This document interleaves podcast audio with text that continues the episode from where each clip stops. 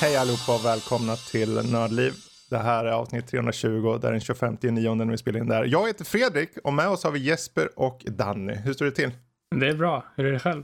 Jag lever och frodas min herre. Jag säger som jag alltid säger, ja det går Det knallar Det, och det går. knallar och går. Det går an. Du lever. Synd Eller klaga. Vänta, Jag, puls, jag tycker yes. du ska uppa det där och säga jag har puls och sen säger du inget mer. Typ så. Eh, vad som också har puls det är vad vi har i innehållet idag. Det är gott om saker kan jag säga. Det är Kina Breach of Spirits, Diablo 2 Resurrected, eh, det är Sable Eastward, det är ja, det, kanske Why the Last Man, Star Wars Visions också. Eh, och sen mängder av nyheter såklart. Eh, som sig bör. Det har ju hänt lite grejer. Och eh, framförallt, och vi kan ju hoppa till nyheterna på en gång för att det är ja, rakt på Vi river av det. Vi river av, för jag vill se här, jag vill se, jag vill se Jesper lysa upp när vi tar upp Nintendo Direkt här. Eh, för vi tar där först då, för det finns ju, det, det var en direkt nu i veckan och ehm, det är egentligen, jag vet inte riktigt vad som är nytt, det är väl framförallt, jag, vi river av lite av titlarna här och är det som någon jag missar, för jag kommer ta de större utifrån mig själv.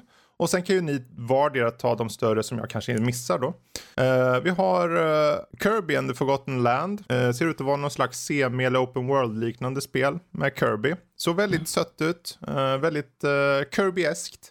Eh, och ska komma nu våren 2022. Jag vet inte, vad tyckte ni om vad ni såg där i trailern? Eh, jag trodde absolut inte det var Kirby när man såg de här typ postapokalyptiska shotsen i början. Liksom, vad kan det här vara liksom? Det, hmm. En gullig version av The Last of Us. Jag tänkte typ, är det The Splatoon 3? Eller Mm, så mm. Och sen bara plötsligt så såg jag palmer och så var ah, det är Donkey Kong. Och sen, nej, det är Kirby och det är Kirby i 3D för första gången, jag tror typ någonsin, det är första gången Mm. Kirby har gjort ett spel i full 3D.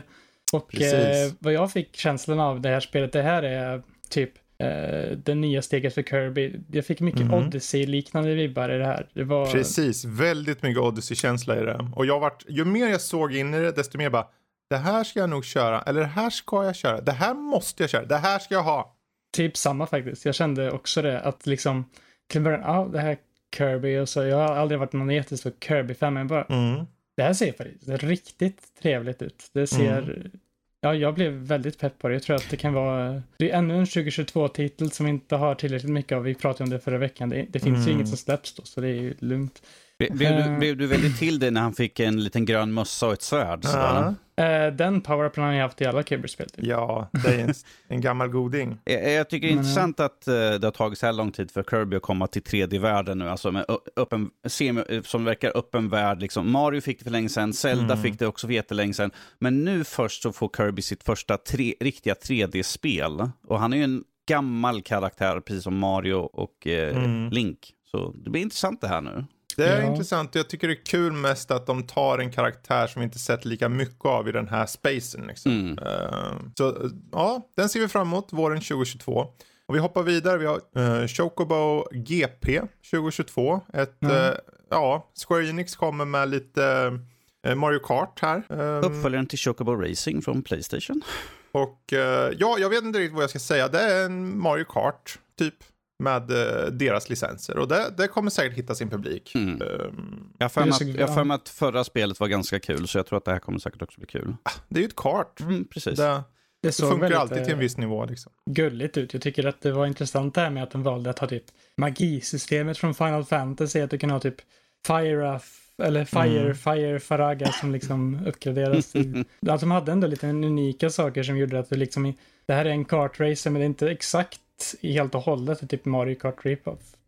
Nej, och det, å andra sidan, där är de ju tvungna, annars blir det en rip-off och då får de issues. Men å andra sidan, jag tror Nintendo kommer vara glada att de kan sälja ett spel där framåt 2020 2022.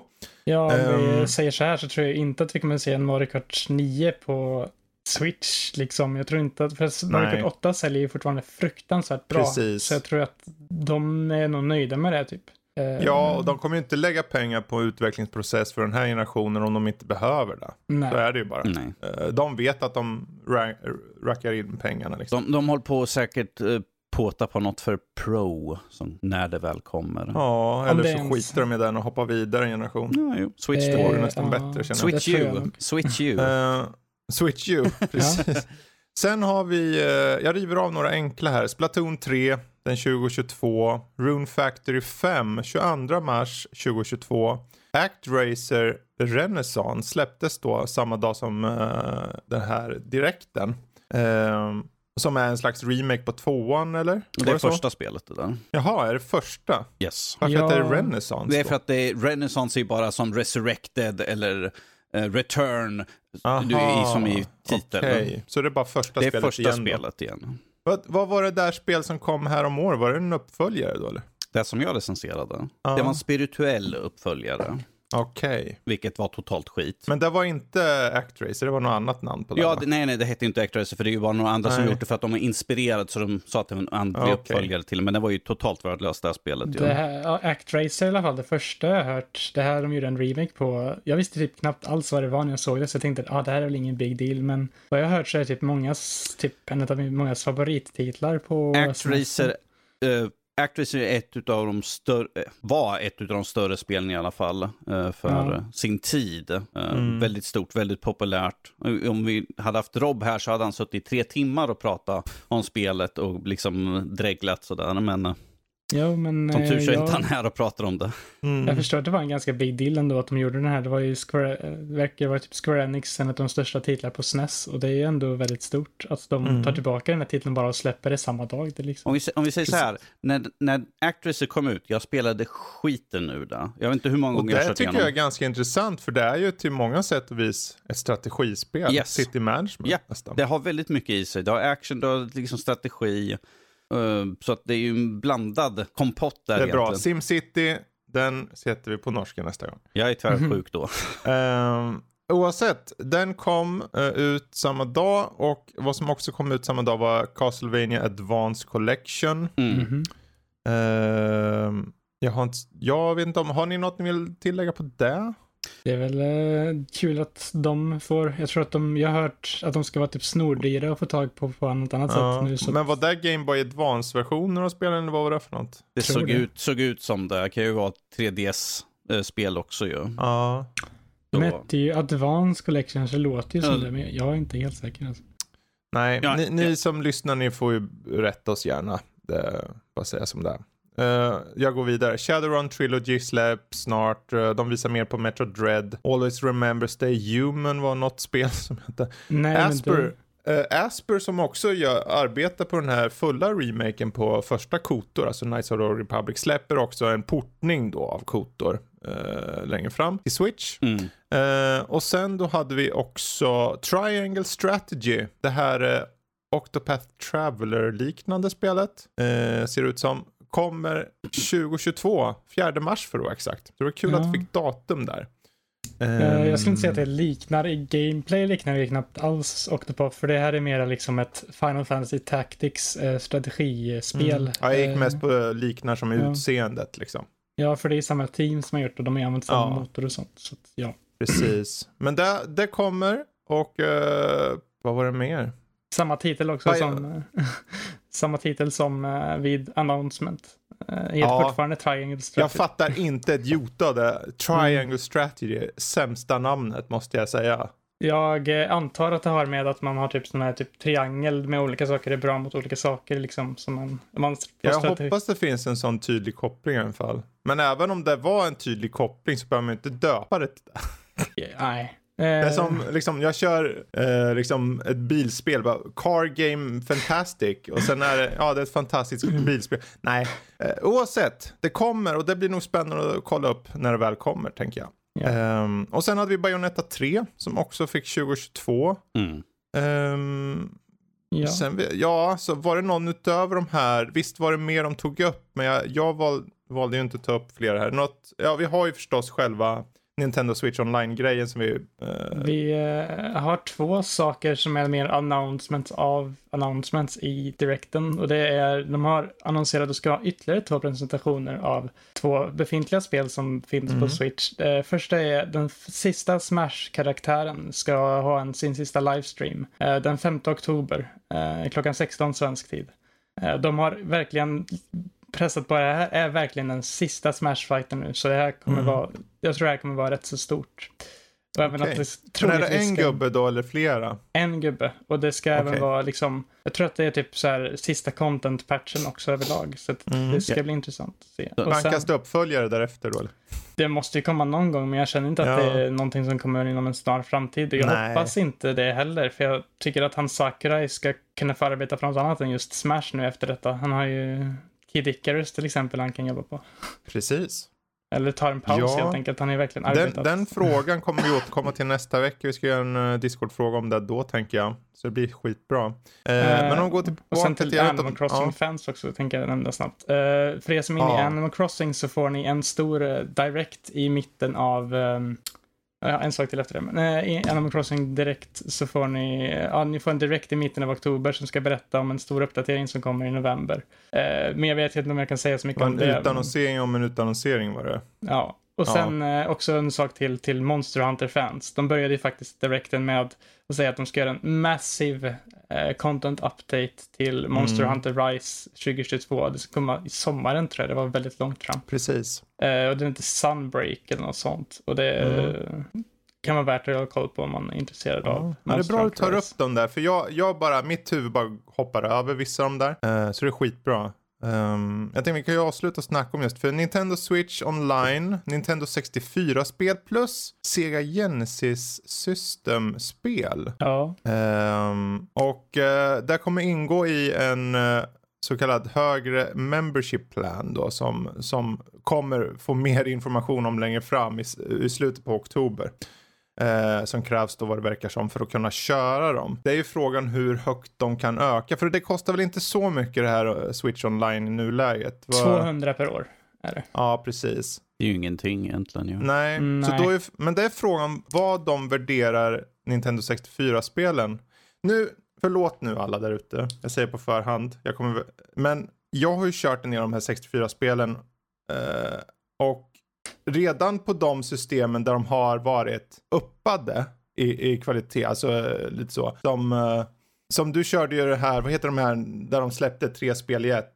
Um, det var ju Mario, vad fan var det? Det som Jaha, du hade. Mario 3D All-Stars.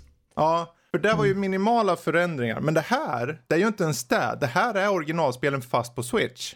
Uh, och jag kanske har en tråkig nyhet till de som är från Europa, för det ryktas om att uh, det är 50 Hz-versionen ja. också och inte, vad heter det, den, det här, den bästa för versionen. För mig, när jag såg det här, de kommer ta extra mycket betalt för spel som är ännu svårare att köra. För det är en sak när de har anpassat dem i det här Super Mario 3D All-Stars, där de försökt att anpassa kontrollen till viss del. Men det här är originalspelen. Kan man mappa mm. om kanske i Nintendo Switch Online? Man kanske kan mappa om det, jag har ingen aning. Oavsett, det känns extremt slött och de kommer ta en mm. högre peng för det. Fredrik, och sen måste du också köpa till dig handkontrollerna ju. Måste inte göra det, det är bara en bonus. Men, för att få den riktiga upplevelsen. Det, det är ju intressant, för de utannonserar handkontroller de vet att det är bra att använda handkontrollerna till det. Mm. Betyder det att de har low effort på att mappa om ordentligt med switchen? Tro eller, eller kommer det funka lika bra? Mm. Ja, är, är, det menat att de ska sälja det här? Är det här extra försäljning de räknar med att få in för att de vet att de vill få spelarna att använda originalkontroller? Jag, jag kliar mig i huvudet för jag vet inte. Men... Mm. Jag, jag, tror att det här är low effort, det här är bara... Uh... Nu, Ja. Att de är ba, det är bara emuleringar på spelen och du kommer inte kunna mappa om någonting överhuvudtaget. För de har bara tagit liksom originalspelet och slänger in. Och så måste du, för att få upp maximalt så måste du köpa kontrollerna som kommer kosta en extra slant. Sen, och det här är varför jag sa Sverige kyrkan. För många av de här spelen då, som kom, de hade med rättligen plats i hjärtat för alla spelare. Och det var väldigt bra spel för sin tid. Precis som många av vilken annan plattform som helst var bra för sin tid. Men utifrån det jag har kört hittills tycker jag det funkar. Jag tycker det är undermåligt med liksom de här kontrollschema och sånt. Och jag kan inte se att de kommer få det att funka eller ens försöka att få det att funka. Det är en sak om det är lättare spel, men var i Mario Kart behöver bara svänga liksom och trycka på en knapp då och då. Drifta typ i kurvor ja. så inte flyger in i. Men uh, hur är det med de lite mer avancerade spelen då? Köra Zelda, köra Zelda eller något sånt där.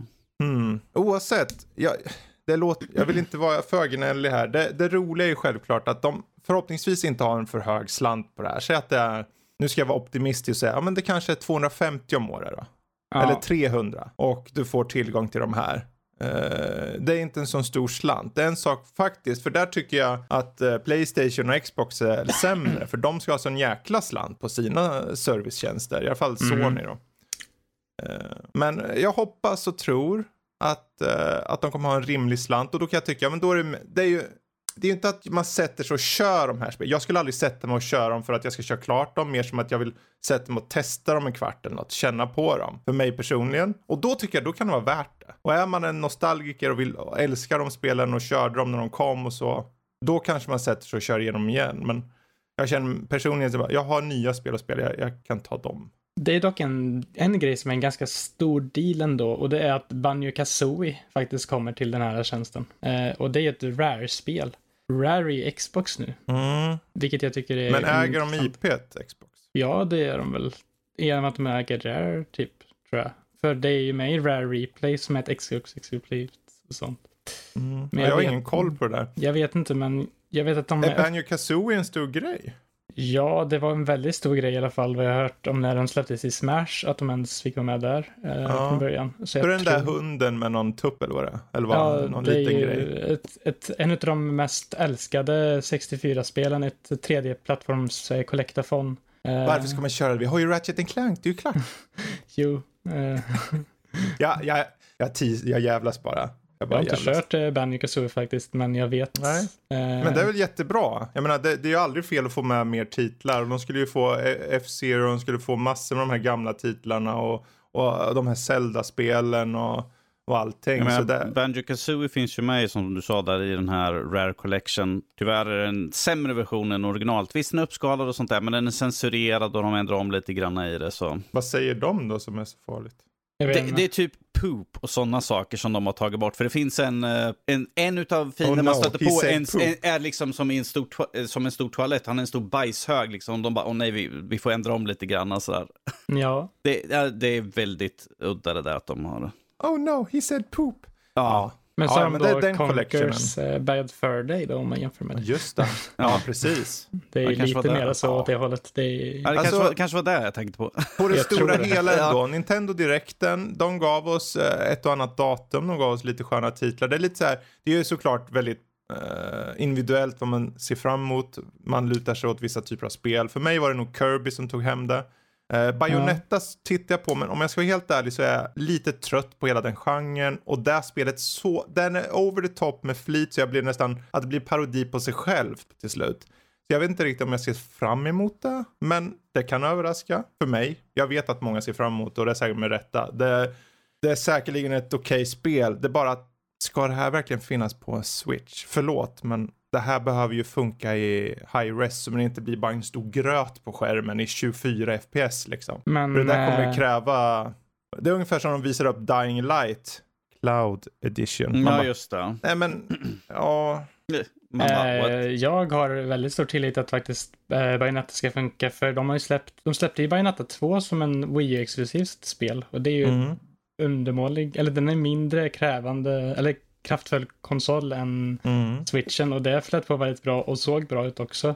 Och sen släppte ja, de Astral, Astral Chain till Switch ja. som är kanske typ Switchens allra snyggaste spel och det flyter på ändå riktigt bra. Fast det här bra. är ju alltid under premissen att det flyter bra för vad de sätter upp sett till ja. standardinställning, det vill säga 30 FPS och försöker få med i den mån de kan utifrån systemet. Jag mm. tror, jag är nog, det kan vara att jag är bortskämd också. Jag kan förstå det för just du vet, man sitter med som med Kina nu liksom. Det är 60 FPS rakt igenom, det är supersmooth. Och det är jättemycket som, saker som sker. Och jag tänker, ja, men det, om det här sker här, då vill jag ha det i allt annat. ja, det, alltså, det är bara att man blir van vid nivån menar jag. Jag, tror, jag håller nog med dig där. Du, du har övertygat mig. Det kommer bli jättebra. Ja, vi ska prata om ett sak som flyter på lite sämre sen, så Okej, okay. okay, ja, vi får ta det sen. Men eh, vi, vi går ifrån direkten och och lämnar det här för nu. Vi kommer säkert komma tillbaka till de här frågorna längre fram. Du glömmer ju en av de absolut största sakerna som egentligen utannonserades där. Alltså? Mario the Movie. Ja, men det, det. det, om jag ska vara helt ärlig, tyckte det var skitdåligt. För det första, om du hade kollat IMDB i förväg så kunde du redan sett flera namnen. För det andra, det är en film. Vad har den om vi plats säger så här här, för? jag hade inte ens någon koll på att det var Vi en film. visste ju att det skulle komma jag, en jag visste Super att det skulle komma någonting, men jag hade ingen aning att den var så långt framme. Gjorde. Jag trodde det här var liksom flera år för att Nintendo har Fast andra så sidan, defensiva på Den film och komma sånt där. nästa jul. Mm. Ja. Så det är liksom, det är fortfarande Ja. ganska tidigt att komma ut. Varför släpper de inte det här typ ett halvår innan? Ska de prompta den här nu varannan eh, direkt nu? För att de har en film på G. Jag, jag, jag fann det lite så här fult på ett sätt. De gjorde väl samma sak med Nintendos eh, så här, nöjespark. De hade en dedikerad direct med Miyamoto som gick runt och gjorde en guide. Ja, just Guidning det. av parken. Chris Pratt som Det- eh, Mario. Jag tror att de vill ha Miyamoto i Direct, så jag vet inte om han är så jättemycket i spelvärlden så mycket att göra sånt. Nej, men han, han gillar att göra de här sakerna som är lite runt omkring som filmen och Jag, tror, är jag tror tror- han är en väldigt kreativ person och han vill bara komma på nya ja. eh, arenor, nya platser. Så för honom tror jag definitivt det här är superunderhållande, spännande liksom. Eh, För en annan blev det mest, ska ni, ta, ska ni ta tid från en Nintendo Direct och snacka om en film som kommer om ett år? Det Då känns känner jag lite, Mm. jag tycker det är lite dåligt faktiskt. Eh, för det handlar bara om PR här nu, det handlar inte om något annat. Ni vill utannonsera vilka stjärnor ni har. Ja, Vem bryr sig? eh, Oh no, he said poop, säger någon och kommer Danny och skyfflar. Nej. alltså jag Det tycker, jag tycker det är intressant att liksom att de har ju kört det här att vi måste ha stora namn på alla kända karaktärer. De Ja. har, de har redan röstskådespelare till dem ju. Ja, men det... Förlåt Charles Martinet, men ingen kommer gå på bio för att hans namn står med. Jag, jag, de som gör det, det är ju bara Nintendo-fans. Och de Nintendo-fansen som gör det, det är ju knappast en mainstream, förlåt, men det är ju inte... De vill ju få alla att gå. Inte Ja. de här grupperna av människor. Jag säger så här, jag hoppas att Donkey Kong dör ganska tidigt för jag vill inte höra Seth Rogen överhuvudtaget. Så där. Jag orkar inte med att höra honom. Det, så. jag tror det är bara en cameo säkert. Det hoppas jag. Man hör bara "Uh-huh", och så trillar han Men träd. äh, sånt där. Cranky Kong ska ju vara med och Cranky Kong Ja. är ju en Donkey Kong-karaktär så jag tror att han kommer inte vara med mycket men jag vet inte om Donkey Kong känns som att han kan ändå vara med lite mer. Men jag, Ja, jag vet alltså, inte. Det är ju ett IP som de vill förvalta och vill de säkert få med han så mycket de kan. Jag har ingen emot Seth Rogen i alla fall. Jag tycker han kan vara ganska kul ibland. Ehm, med rätt film. Men eh, alla de här skådisarna, det är ju ingen dålig cast. Anna Taylor-Joy som Peach. Från Queens Gambit till det här. Och eh, Chris Pratt som ehm, Mario. Ja, ja. Intressant. Ja, för er som, för all del, för er som ser fram emot filmen så är det kul kanske att veta. Och eh, alla Nintendo-fans fick väl möjlighet att se, när man ser ansikten på de här kändisarna så blir det lite så här, ja ah, det är han, eller det är hon och så. Så det, det är aldrig fel förstås. att säga. Och jag menar, Jack Black ser ut som Bowser nästan mer eller mindre. En Ja. stor. Ja, ja precis. Ehm, jag tyckte mest att det var lite, jag tyckte det var tråkigt de hade med. Eh, Det var, men det är jag ja. bara. Det är bara jag. Eh, nu hoppar vi vidare. Yes. Och eh, lite snabbt, eh, ett datum har kommit på ett spel som i Sverige fick det mm, roliga mimen Korvs. Eh, Chorus, det här actionpackade rymdflygar tredjepersonsspel. verkar- Jag vet inte om det är tredjeperson men det är mycket Space Combat i alla fall. Det var mycket snack om det på E3 Fuel eller för, förra året kanske det var. Eh, Det 3 december kommer det, så vi har ett till decemberspel och det är ju bra att ha lite nu när saker och ting har flytt 2022. Eh, 2022. Vi kommer tjata om det här. 2022, det kommer vara ett sånt jäkla år. Det, händer, det kommer ingenting 2022. Och sen när vi, kommer, när vi väl kommer till 2022, då flyttas hälften av spelet till 2023 och så sitter vi där snopna. Vi får se hur lång, många år det tar innan vi liksom att de spelen som utannonseras som för nästa år är faktiskt bara de spelen som kommer då. Inte liksom massor som Mm. bara flyttas vidare. Ja, spännande år. Oavsett, det kommer då. Och sen har vi en nyhet eh, egentligen då angående Perfect Dark. Och det är att ursprungligen så var det ju sagt då att The Initiative, eh, Xbox Studio, då eh, skapar det här spelet. Men nu kommer det bli co-developed av Crystal Dynamics. Eh, senast gjorde de eh, The Avengers och innan det har de gjort, ja, Tomb Raider-spelen och den senaste Tomb Raider-trilogin då. Att de är med då, jag vet inte riktigt vad, vad det säger. Vad, vad tycker ni om det här då? Ja, alltså jag är väl lite så här konfunderad. För det först, de, de hade väl aldrig gjort ett live action eller live service-spel innan de gjorde Adventures. Så jag tror att det kan vara någonting med det att göra att det blev som Mm. det blev. Men som du, säger, som du har sagt innan podden lite grann om att Tomb Raider-trilogin är faktiskt genuint ett bra spel. Ja. jag vill ändå ha hopp om att det här eh, troligtvis kan vara någonting, eh, någonting man vill spela. Ja, jag tror att det är som enligt dem själva, eller det, det citeras ju här. Uh, we are partner, partnering with Crystal Dynamics, the world class team behind the character driven games such as Tomb Raider. Och de tar ju upp just det här spelet. Det här är The Initiative som säger to bring this first person spy thriller to a new generation. Så det är liksom att de ska arbeta tillsammans, det är fortfarande tid, tidig development, men att, eh, det, att få två, för Crystal Dynamics har hållit på väldigt länge. Eh, långt, långt innan. Visst är det lätt att man så här, ja, det senaste spelet de här gjorde var skitdåligt, så nu är de sämst i världen. När de egentligen har 10-15 år innan de gjorde jättebra spel. Mm. Jag tycker det är tråkigt när man tänker så. Man måste ha med det i beräkningarna i den mån det går. Uh, huruvida det här blir bra. The, Initiative, the Initiative är väl det som jag är mest så här, vad vet vi om dem? Ingenting. Det är ju en nyskapad studio, mig veterligen. De har, inte gjort ett, en, de har inte gjort ett enda spel För hittills. det är ju Xbox som har skapat dem. för just att, och de hade väl headhuntat folk och dragit in folk liksom för så här, kända namn och allt vad det var. Mm. Men att de då co-developar med Crystal Dynamics, är det bra eller dåligt? Jag vet inte. Ja, om vi ser så här så kan det ju vara en bra erfarenhet för The Initiative att få arbeta med Crystal Dynamics i alla fall. Mm. De kan ju mm. få ta lärdom av de, de åren som Crystal Dynamics har gjort spel och speciellt nu när vi har någonting som de är bra. En stark kvinnlig karaktär ja, i ett actionspel. Eh, om vi tittar på första Perfect Dark, det var liksom, du sprang kring precis som i första Tomb Raider, bara siktade framåt, sköt mm. liksom hela tiden. Och vi ser ju hur de har utvecklat till eh, Lara Croft i de nya Tomb Raider-spelen. Så vi kan ju säkert få se samma mm. dynamiska action, eh, liksom klättra, hoppa, studsa fram över till banorna liksom sådär och mörda brutalt. Så jag tror att det kan vara ett bra val det här egentligen. Mörda brutalt. Mörda brutalt mm. på ett bra sätt sådär. Så jag tror att... Eh, mörda brutalt på ett bra sätt? Yes. Det lät eh, Crystal. Dynamic får ju Eh, ett IP de kan arbeta på. Uh, The Initiative får ta lärdom och hjälp, mm. lära sig samtidigt medan de arbetar. Ja. Så jag ser att det är liksom en bra kombination där. Ja, jag, jag håller med dig där. Jag tror faktiskt det låter bra också. För eh, mm. sen är ju The Initiative är ju de som äger det här egentligen. Ja. Och sen kommer de med co-developar. Så de får ju uppbackning då snarare. Uh, men det, det, är bra. Ja, det kanske blir något i alla fall av det där. Ja, det är jag mm. väldigt nyfiken på i alla fall. Ja. För att Tvåan på Perfect Dark var ju ingen höjdare sådär. Så jag hoppas att det, det här nu blir någonting värt att sätta tänderna mm. i. Mm. Sen är ju frågan, vill vi sitta på vår Xbox och köra Steam-spel? Då behöver jag inte gå och sätta mig framför datorn ju. Ja. Ja, du ser. Det är bara plugga in musen och tangentbordet i konsolen. För på Microsoft Edge, den här webbläsaren nu kommer få en uppdatering, eller har kanske redan fått den. Eh, vilket gör då att du kan köra allt från Stadia till eh, Discord till att streama Steam-spel och så vidare. I och med att eh, många av de här tjänsterna har möjlighet att köras direkt till webbläsare då. Mm. Eh, och då också att du kan öppna eh, och använda mus tangentbord på konsolen gör ju att du indirekt kan använda det där när du spelar. Så jag vet inte riktigt vad jag ska säga. Jag, jag läste det här eh, när det kom och tänkte ja. Sen är ju frågan hur mycket lagg, det blir lite lagg på lagg då, eller hur funkar det? Hur, hur bra är mus tangentbord på mus, eller på konsol och sen då via webbläsaren som inte var det bästa, kommer jag ihåg förut. Men nu kanske den är superbra med den här uppdateringen, vad vet jag. Mm.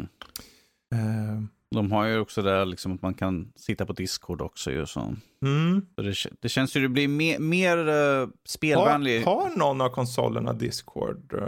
Nej, men jag tycker det är lite lustigt ändå eftersom att uh, Playstation köpte väl upp Discord till 2022 eller nu var. Nej, de köpte inte upp dem. Mm. ingick väl In en partnerskap, partnerskap med ah. dem. Så. Det, ja, de ska ju, komma dit då, antar jag. Ja, det partnerskapet handlar om att integrera det i deras konsoler bättre, inte att de köper upp. Mm. Mm, okay. Så det, det, är ingen fara där. De är sina egna fortfarande. Men plus Discord är, kan ju vara webbaserat eller så kör du via Precis. programmet på datorn. Ju, så att du Men kan det, antingen eller. Jag, är ju, jag tänker jag ska nog testa det här vad det lider. Du har väl mm. några möss och tangentbord du kan plugga in i konsolen? Jag kan nog slänga ihop något. ja. Bara för att se liksom hur det faktiskt funkar i praktiken. Uh, kanske starta upp det gamla Stadia-kontot. Det finns ju någon, uh, det finns en och annan gratis-titel. Jag tror Destiny är gratis. Uh, eller så har jag fått den bara någon gång och så är den kopplad mot mitt konto. Så varför In, inte, inte testa? Är inte det gratis överallt, Destiny? Jag vet inte. Jag vet bara att när jag startade upp Stadia sist så funkar det att köra. Mm. Förvånansvärt fun bra funkar det då faktiskt måste jag erkänna. Men eh, ska ni sitta på er Xbox och köra eh, streamade spel? Kanske testar. Jag. Jag, jag kommer nog säga nej i mitt fall. För att på, på konsolen då kör de spelen jag har där. Vill jag köra något på Steam, då sitter jag vid min dator. Det är inte så långt Precis. för mig. Jag, har liksom inte- jag, jag, kan, jag rör vid min soffa direkt just nu. Om vi säger så här, det är ju inte över så. riktat mot oss direkt. Det här är ju riktat mot de som bara har en konsol. Liksom. Mm. I det här fallet Xbox då. Eh, och jag tror det kan ju vara värt för er att bara testa om ni är nyfikna och ni har någon av de här tjänsterna. Eh, jag vet inte hur, hur vanligt är det att man sitter, det här kanske man skulle egentligen haft i en Discord-fråga, hur vanligt är det att man sitter på flera konsoler? Hur många har flera konsoler? Eller kör, kör de flesta på bara en konsol liksom? För jag kan förstå det att man inte, vi, vi gör ett undantag här men de Det- flesta kanske ja. bara kör en konsol. Fredrik, det känns, ibland känns det som jag bara äger Playstation. Gör inte det? Det är väl bara så du gör. Alltså, bara det- Playstation, Playstation. jag får ju damma av Det Xboxen. Det är så, Det är du. Xbox får jag damma av ibland för det är så sällan som jag kan sitta och spela vid den. Sådär. Jo, Ja. men alltså jag eh, tidigare i mitt liksom eh, tills fram till typ 2016 så hade Mm. jag bara Nintendo så hade jag en Mm. PC också men det var typ allt och sen Ja. typ så skaffade jag en PS4 och sen nu är jag på allting så det är liksom gott. Ja, jag tror inte de allra flesta har nog en eller två men det kanske vore kul att ha som en Discord-fråga ändå. och Fråga Mm. om. Någon gång. Ja. Ehm, ja, oavsett, uppdateringen är snart eller redan ute. Det är i alla fall en septemberuppdatering så den Det borde står, vara ute har snart. precis släppt septemberuppdatering, så den är ute redan. Så sitter ni på en Xbox så är det bara att testa. Helt enkelt. Med det sagt så avrundar vi nyheterna känner jag. Eh, och går istället, för jag tänker vi ska försöka släppa upp lite här. Vi ska gå till en Discord-fråga först kan vi göra. Uh, och sen ska vi ta och släppa, lite, släppa loss lite. Men uh, Discord-frågan den här veckan är lite angående just spelgenrer då. Uh, och jag tänkte vi ska ha Metroid som ett exempel då. För jag är nyfiken på vilken eller vilka spelgenrer skulle Metroid fungera som tror ni? Och då menar jag helt annorlunda spelgenre från vad det är idag. Är, tror ni att det skulle vara bra som en strategi, turbaserad strategi? Eller skulle det vara ett 4X-spel? Eller skulle det vara ett Jag säger vad jag sa förut. Eller... Metroid som uh, dating sim. Precis, dating sim. Den frågan kommer finnas förhoppningsvis eh, ja, efter det här avsnittet har släppts eller samtidigt på vår Discord. Och Discorden, hur når man den norsk? Eh, högst upp på vår hemsida så kan du hitta en liten knapp där du klickar på och så hoppar du direkt in på våran Discord. Precis, då bara connect, bara trycka. Precis. Och så kan Ehm. du komma in, skriva, köta med oss. Mm. Eller, om vi, eller när vi faktiskt sitter online i våran, vi har såna här eh, röstkanaler som vi sitter i just nu. Eh, vi har en öppen, där vem som helst, ifall vi sitter kan vem som helst hoppa in. Till exempel när vi kollar på eh, streams och sånt. Bara poppa in så kan man sitta och köta med oss där. Precis, precis. Ehm, ja, för att, jag tänkte vi ska gå in på lite vad vi själva spelar så, men innan det tänkte vi ska köra en köp, hyr eller försvinn för evigt. Mm. Och eh, jag tänkte jag ska, jag ska ta fram här ett par olika genrer kan man säga på de här kategorierna. Så får ni välja en. Så först har vi Playstation-spel. Sen har vi Western RPG 2. Sen har vi JRP Modern 2. Och sen har vi Classic Shooters. Är det någon som eh, låter intressant att eh, riva av? JRPG Modern 2. Jag körde ettan förra gången så jag kanske kan köra tvåan. Håller norsken med? Ja, sure. Ja. Jag, jag är på, jag låter Jesper, ungdomen, välja Ja. sådär. Välja nästa. Eh, innan det, jag kan ju berätta. Det här handlar då om att man ska säga vilken man vill köpa, alltså den du vill helst ha. Sen är det hyra, det vill säga den som, ja jag kan ha den ett tag kanske.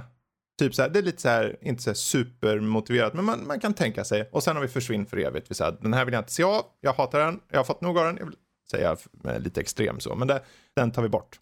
Och eh, i det här fallet så har vi tre spel och de tre spelen är Nier Automata, Persona 5 och Ys eh, 8, Lacrimosa of Dana. Så en ska köpas, en ska hyras och en ska försvinna för evigt. Danny. Ska jag börja? Uh vi kan ju, jag köper, uh, gud. Köper du Gud? Jag köper Ja. Gud. Han är billig. Han, hon, han, hon, den, det, whatever. Eh, Gud är billig. Ni hörde det här först. jag tänker strategiskt här. Jag Okej. köper Persona 5. Mm. Jag hyr Nier Automata. Mm. och jag kan skippa YS 8. Mm. Det är så jag känner. Ja. Ni känns som ett spel du kan liksom spela i omgångar. Persona 5 är ett ganska stort spel. Mm. Så jag tänker att det är nog vettigare för man köper det istället än att hålla på och Mm. hyr det i oändlighet.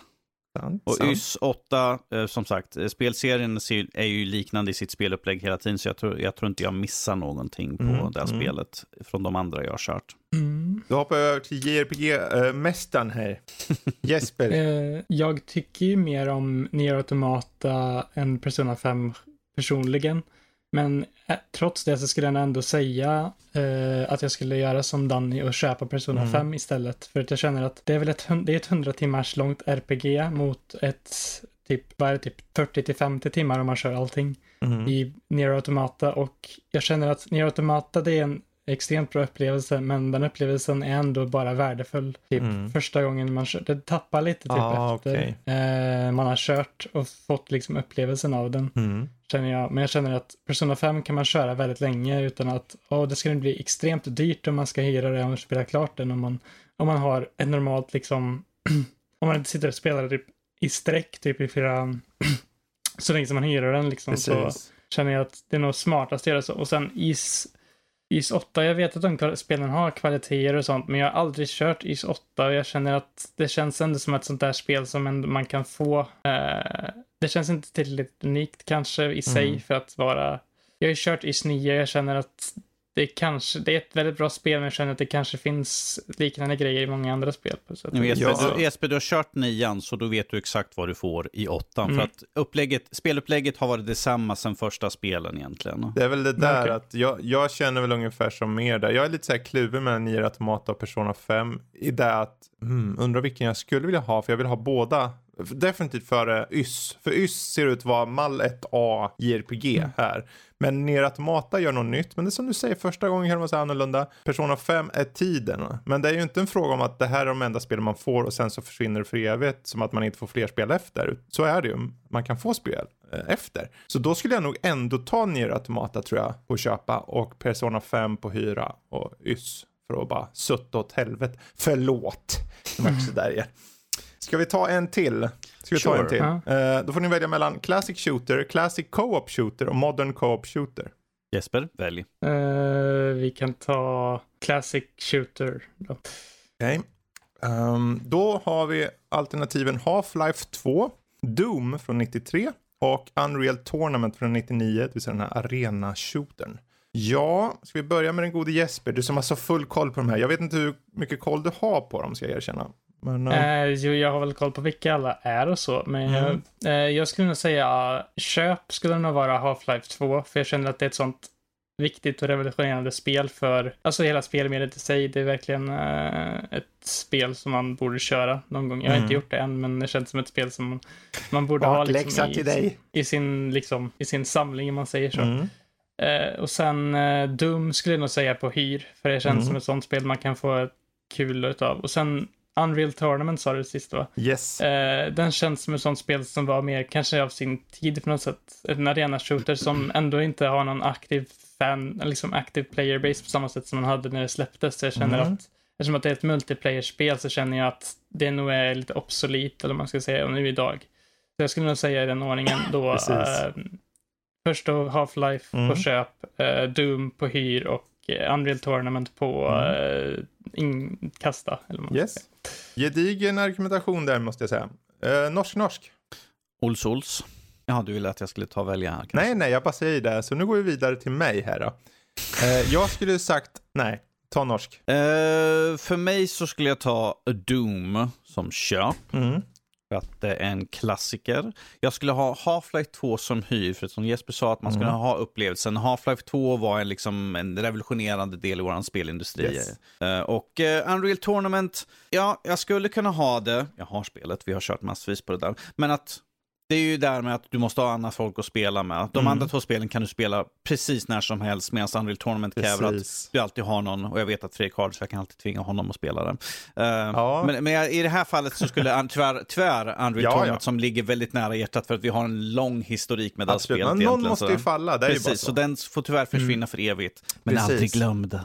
Precis. Det är kul, för, för mig så skulle det vara så här. Jag skulle definitivt köpa Unreal Tournament. Mm -hmm. Och jag skulle hyra Half-Life 2 och jag skulle kasta åt pipsvängen Doom. Mm. Uh, Unreal Tournament är märkligt för att idag när du startar upp det, om du har det på skiva och installerat, dels är det inga så här, vad heter det, några uh, skyddgrejer på det. Mm. Så du kan egentligen göra en avbild på det och bara installera på vilken dator som helst, för ingen nyckel heller. Och folk kör det fortfarande. Det finns fortfarande servrar nu, i år, just idag, Oj. finns det servrar som är öppna och hoppa in i och köra. Plus att du kan lätt som helst bara trycka på en uh, privat och köra själv. Helt var det, sjukt. Var det förra året vi körde på det? Eller? Ja, vi bara startade upp och det funkar. Och jag fattar inte hur de kan få det. Det här är nog det enda multiplayer-spelet eh, som jag har hängt med väldigt lång tid. Mest för att du hoppar in, du bara, det är bara twitch shooting. Det är bara liksom, antingen kan du det eller kan du det inte. Det är inte en fråga om några strategier på det här sättet, utan du ska bara vara först överallt. Så det är märkligt, det här skulle jag säga köp. Half-Life 2 är ju ikoniskt. Eh, för mig faller det bara på grund av att jag spyr som en räka av. Den motorn, jag får, jag får åksjuka. Det är inte för att spelet är dåligt, det är bara för att jag blir så åksjuk. Och Doom, jag kommer ihåg när det kom till viss del och jag körde det mycket, men redan då, jag blev ganska mätt på Doom, för det har inget djup. Och då kan man säga så här, ja men Unreal Tournament har väl ingen djup heller? Ja, det är sant. Men det vet att det inte har djup. Doom vill tro att det har djup. Vilket jag säger, men då får det, då försvinna. Då får det försvinna. Så där, ska vi avrunda det eller vill du ha en sista? Jag tycker det är intressant att vi alla valde olika här nu. Ja. Ja, men det är väl jättekul. Skitbra. Precis. Vill ni ha en sista eller ska vi gå vidare? Det spelar ingen roll. Det kan väl ta en sista lika gärna. Ja, Jesper vill. Han vill. Ja, bra. Um, då så, då ska vi säga Playstation-titlar. Um, och Classic Co-op-titlar. Modern Co-op Shooters. Och uh, Western RPG 2 har vi tillgängliga. Playstation känner jag, men jag vet inte. Vad är, ni vad är du sugen på Danny? Nej, alltså ta det som Jesper. Ja, då kör vi Playstation här nu. Eh, får bli sista. Och då har vi tre titlar. En ska köpas, en ska hyras, en ska bort för evigt. Mm. God of War, The Last of Us. Och vi kan säga remastered eller vanliga om man vill. Mm. Och Detroit Become Human. Danny? Uh, ja, jag skulle nog ta det i den ordning som det står i så fall. God of War köp. Det är inte så svårt val. Det är vårt Goti-spel när det begav sig. Uh, The Last of Us, uh, original eller remastered, vilket som, mm. skulle vara hyra. Och Detroit Become Human, även om det är ett kul och intressant spel så skulle det tyvärr i den här konfigurationen så blir det tyvärr det som försvinner för evigt. Okay. Okej, okay. ja, får vi se om Jesper känner annorlunda då. Vad säger du? Jag känner exakt likadant. Okay. uh, God of War är ett fantastiskt spel både till gameplay och story och det är mm. liksom uh, och det är därför jag skulle säga det som köp. Uh, Last of Us har storyn väldigt bra, mm. men jag kanske inte är lika, lika, lika kul att köra som God of War kanske helt i gameplay, Precis. om du frågar mig. Så det faller på, det är fortfarande ett fantastiskt spel. Mm. Eh, och Detroit Become Human, också ett väldigt bra spel, men jag känner i, i um, kamp mellan de här tre så känner jag att ah, tyvärr så lever det inte riktigt upp till deras Nej. standard, så det faller lite, lite åt sidan där. Gud vad tråkig jag är, för jag känner exakt samma sak. God of kanske, War, Kanske köp. säger någonting då. ja, Last of Us på andra, för det är precis som du säger, storyn har det, men det är just gameplaymässigt, jag måste erkänna, det är lite tråkig skjutmekanik och det är lite så här, du springer runt och gömmer bakom en burk eller någonting, eller någon kateder, eller vad fan man gömmer sig. Och sen ska du skjuta och så ska du samla på muttrar och allt vad det är för något. Oj. Och Detroit, mm. Detroit Become Human är liksom, den har storyn också, men den, har, den, är, den är ännu sämre på gameplay. Men det är ju, den är ju å andra sidan riktad till att vara, den är ju vald att vara så som den är. Det är inte ett gameplay-spel på det sättet. Um, så God of War framförallt, den är för, det är för höga nivåer på alla instanser. Det är gameplay, det är story, det är musik och bild och ljud och allt där. Medan Last of Us har bild och ljud och story och den är okej, okay, serviceable som uh, shooter så, eller vad man ska kalla det. Detroit Become Human har storyn, men that's it. Det, alltså ju mer, mer jag hör, jag känner att God of War Ragnarök kommer att ha väldigt mycket att leva upp till. Sådär. Oh ja. ja. och det är ju det som står, ligger i fatet för den. För det, med så, det är som med alla spel som har för mycket hype, att även om det är bra så sitter folk, och det här är inte bra nog. Och då blir det så här, ja, ni vet ju hur folk är. Det är bara att kolla Metacritic på folks betyg. Antingen är spelen det bästa som någonsin har gjorts, eller så är det sämsta som någonsin existerat. Liksom. Men, Inget men... mitten. Nej, Inte för typ. reviews, reviews i alla fall. Nej, precis. Nåja, nu gjorde vi några där och det var ju kul i sig där faktiskt. Men nu går vi vidare till vad vi själva har spelat och uh, sett på och så. Och uh, jag tänkte, undrar om jag ska ta, vi kan ju börja med oss då. Uh, både du och jag har ju kört lite på Kina Bridge of Spirits. Danny. Yes. Och um, jag vet inte, vill du börja här snacka lite om dina första intryck eller ska jag? Du har ju säkert spelat betydligt längre än mm. mig ju så. Jag har kört kanske en timma på spelet. Mm. Uh, och uh, kort kort, du spelar som Kina. Hon är en, vad är, vad är hon kallar, spirit? Spirit guide spirit guide som ska hjälpa eh, döda människor att gå över till andra sidan. Mm. Och de har i sin lår att när en person dör så karvar de en mask som de lämnar ute och mm. när den multnar bort så är det liksom att anden har gått vidare men Precis. att det finns andra som är kvar som fortfarande har sina masker då. Mm. Uh, vilket en person som man får se direkt i introt av spelet. Mm. En som verkar vara ute efter att tjata om sin stam hela tiden. Jag kan inte svika min stam. och uh, Kinas jobb är helt enkelt att hon ska jaga efter i så fall. Uh, men på vägen så träffar de på ett, två små väldigt gulliga ungar som jagar runt på en, en litet vad ska man kalla det? Jag kommer inte ihåg vad de heter. Rott. Eh, små råttfigurer. Eh, de ser ut som små gulliga gosedjur egentligen. Mm. Uh, vilket man ska samla på sig och de är också mer eller mindre hur man går upp i nivå. Ju fler mm. du samlar på dig desto högre Du kan även styra du. dem att flytta på saker och objekt. Och du kan, när du hittar speciella platser med en slags orb av något slag, då kan du förvandla dem till en till en unified varelse kan man säga. Ett slemmonster mer eller mindre. Ja, något sånt. Um, ja. Intressant gameplay också. Du har liksom att hon kan slå upp som en sköld runt omkring sig mm. för att mm. kunna försvara sig. Men samtidigt så uh, fungerar den också som, det är ju block då. Mm. Och ifall man blockar i rätt tillfälle så, kan man, så tar man och stannar fienden och kan göra en motattack och mm. sånt. Uh, så det är väldigt intressant. Och hon du slår liksom två attacker, en, en, lätt och en tung, men att du kan ju uppgradera och lära dig nya saker allt som spelet går. Ju fler du, rott du hittar och sånt och du tjänar pengar och allt möjligt sånt där. Och man kan köpa till sig hattar för de små rotten liksom. Mm. Ja. Vilket, är, vilket är rätt sött. Så jag har några stycken som har en liten så här rosett på en som ja. har som en svamphuvud. Precis. Ja. Um, jag sitter ju med det nu. Jag hoppas kunna ha någon liten recension kanske framåt veckan. Peppar peppar. Eh, tidig veckan till och med om jag har tur.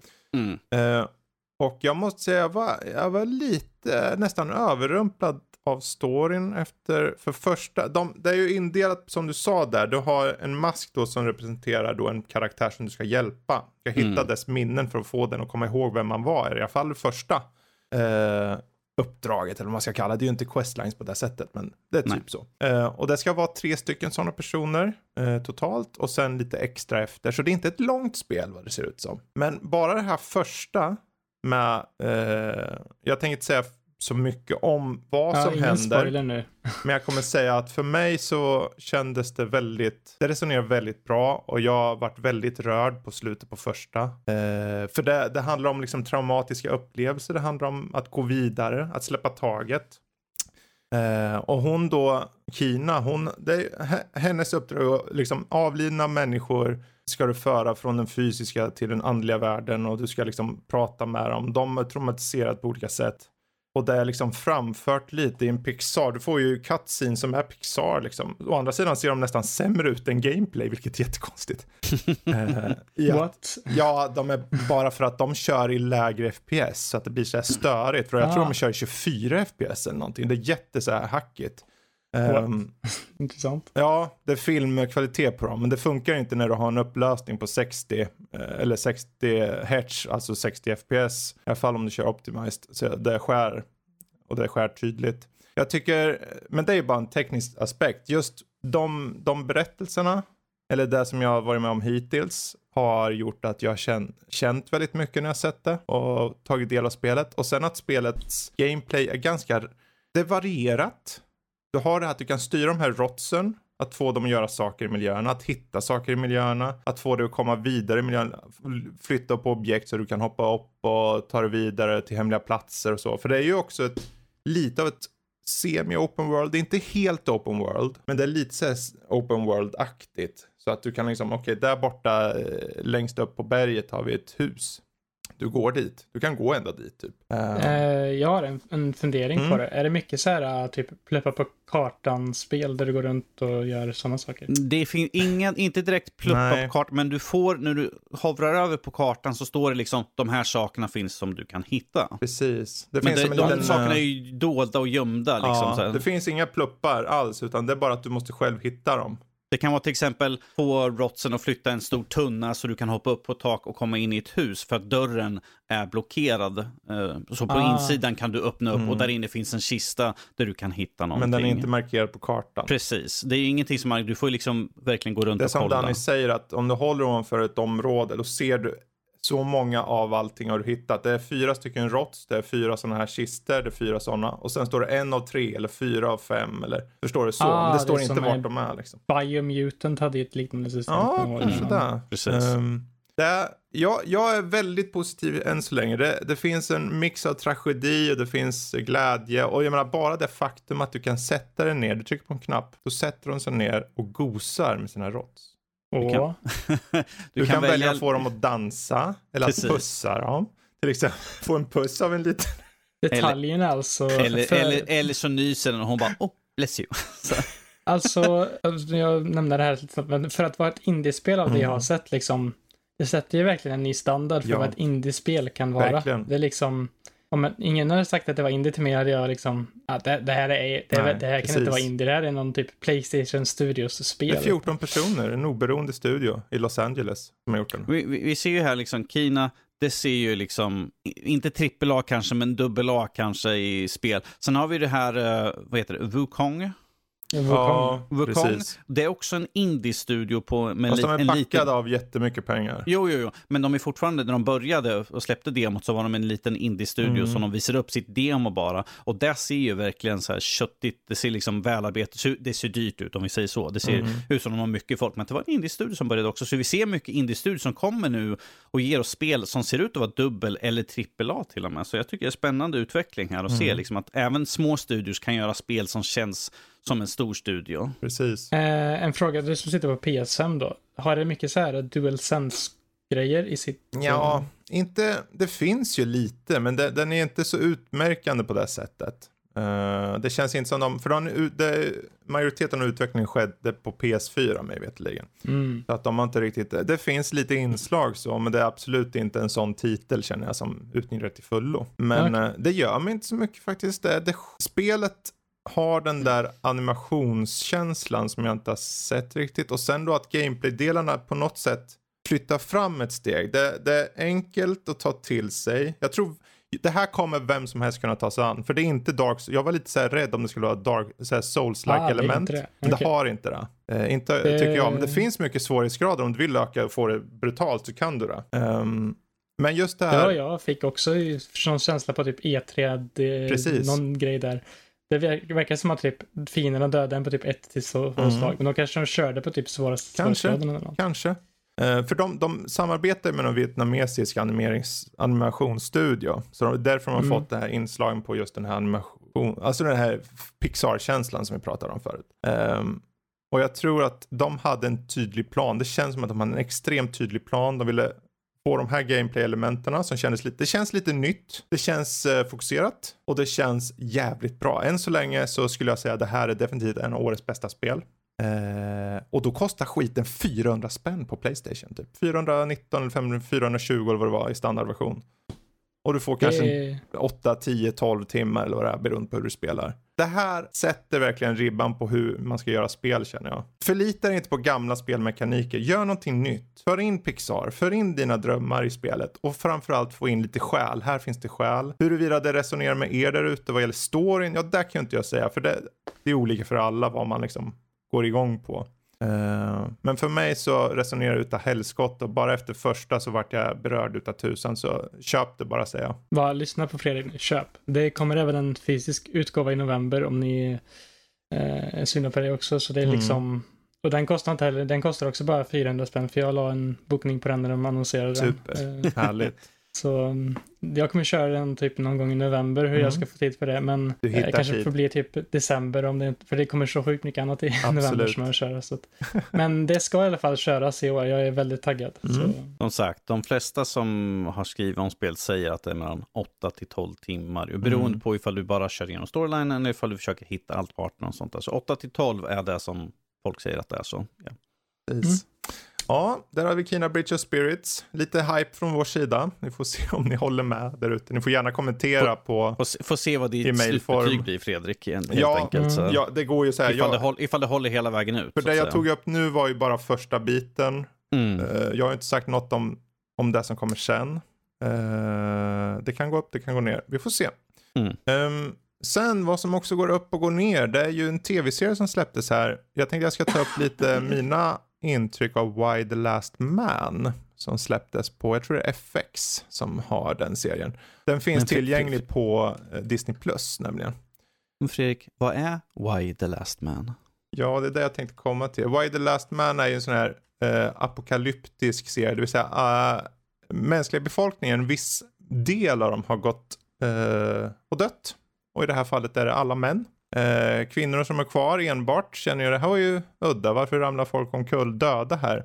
Eh, och eh, i, det, i det läget så har vi då eh, en eh, i regeringen som då efter alla som dött så råkar det bli den här kvinnan då som, som får bli president. Att det då också samtidigt visar sig att den enda mannen som av någon märklig anledning överlevt är hennes son Yorick, det vill säga Why, the last man.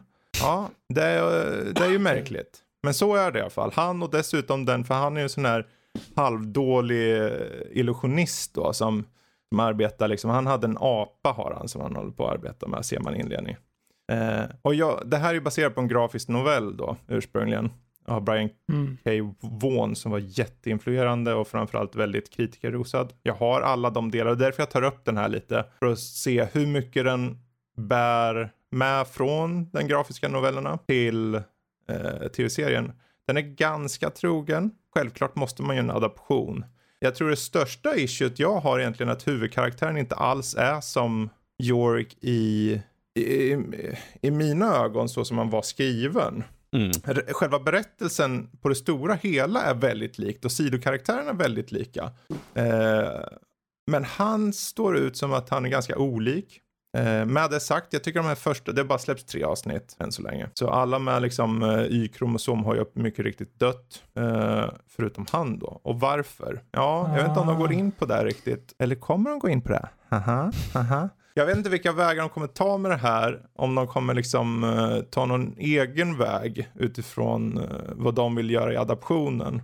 Eh, men det, den är okej hittills. Jag skulle inte säga att den är dålig på något sätt. Men den är, den är lite, det blir lite Walking Dead-känsla över den. Att det, ja, men jag, vi har sett det förr, det här med att en epidemi går runt och dödar. I det här fallet slipper vi zombiesen i alla fall. Men slutresultatet är egentligen detsamma. För det slutar med att det kommer att skapas grupperingar. Det ser vi i de här tre första avsnitten.